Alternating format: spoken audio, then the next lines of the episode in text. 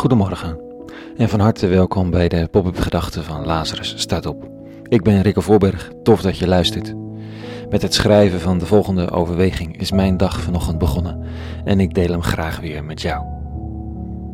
Met als titel Aan ambitie, geen gebrek. Pop-up Gedachten donderdag 9 januari 2020.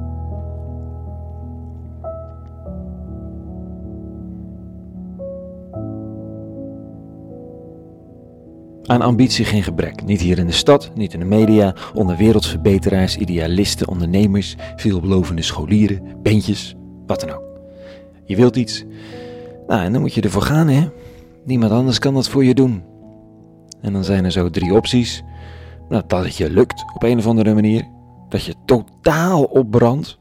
Ook een veel voorkomende optie. Of dat je de ambitie parkeert en iets anders gaat doen. Dat hele geloven en spiritualiteit lijkt altijd wat haaks te staan op ambitie. En dat is logisch, want je kunt niet in al te veel dingen tegelijk geloven.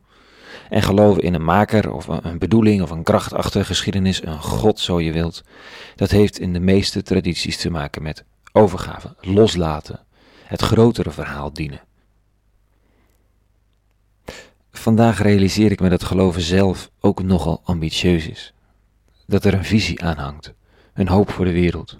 En niet een tong op de schoenen burn-out neigende ambitie, maar wel degelijk ambitie, een hoop, een geloof. Dat christelijke geloven laat niet de boel de boel, met het hoofd in de wolken gelovend dat het allemaal wel goed komt. Er staat iets te gebeuren, er staat ons iets te doen. En in het doen vinden we de bevrijding van slopende ambities, van de jacht naar geluk die zo vaak het tegendeel oplevert. Geloven is geen eindstation, het is het begin van een van beweging, van, van een heel concrete beweging. Misschien lijkt het idee geloof nog wel het meest op het idee vrijheid. Onze volksneiging is om in deze tijd toch vooral een vrij mens te willen zijn. Vrij om te doen en te laten wat we het liefst willen, ongebonden. En dat is technisch gezegd negatieve vrijheid. Niet dat het slechte vrijheid is, maar het is een vrijheid die vooral iets niet wil, namelijk vastzitten. Er is ook een positieve vrijheid dat iemand de innerlijke vrijheid gevonden heeft om zich voor de rest van zijn leven toe te wijden aan één levenspartner, bijvoorbeeld. In een wereld waarin alles geprobeerd moet worden, is dat nogal een stap.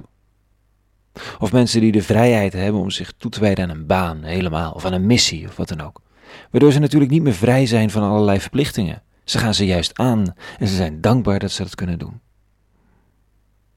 Geloven is nooit een doel op zich. Waarom zouden mensen tot geloof moeten komen? Wat is de zin ervan? Waarom doen al die geloofsrichtingen zo hun best? Om hun kuddes uit te breiden, om meer betalende leden te werven, om zichzelf beter te voelen omdat je dan met meer bent?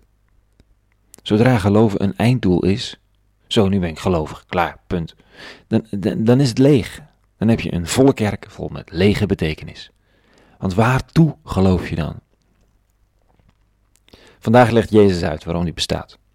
En misschien is dat het dan wel, hè? de ambitie van de gelovenden. Hij zegt dit. Hij citeert een oude profeet.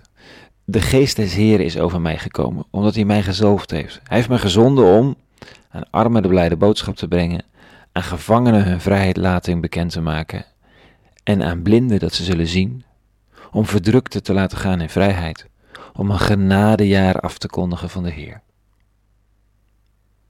Nou, hij vertelt aan mensen zonder geld en mogelijkheden en armen dat zij de belangrijkste mensen ter wereld zijn. Dat de dagen van machtigen en geldhebbenden zijn geteld. Wie gevangen zit in systemen, in zichzelf en schuld, die komt hij bevrijden. Wie het niet ziet, opent hij de ogen, letterlijk en figuurlijk. En vrijheid voor wie klem zit, in slavernij, in schuld, wat dan ook. Dat is de missie. Het is bedoeld om jou en mij te bevrijden, de ogen te openen, uit de klem te halen, opdat we deel worden van de mensen die zelf bevrijden, ogen openen, anderen uit de klem halen. In christendom ben je altijd ontvanger en gever tegelijk, object en subject, helper en geholpene. En dat steeds en voortdurend, tegelijk, voor altijd. De lezing uit Johannes vandaag sluit af met deze woorden. Ieder die uit God geboren is, overwint de wereld. En het wapen waarmee wij de wereld overwinnen, dat is geen ander dan ons geloof. Oh, by the way, ik denk dat dat geloof bestaat in concrete, handelende liefde. Over ambitie gesproken. een goede dag gewenst vandaag. Een dag van overgave en handelingsvrijheid, zou gezegd. Meer pop-up gedachten zijn te vinden op lazarusstatop.nl. Voor nu, rest mij dit. Voor vandaag, vrede en alle goeds.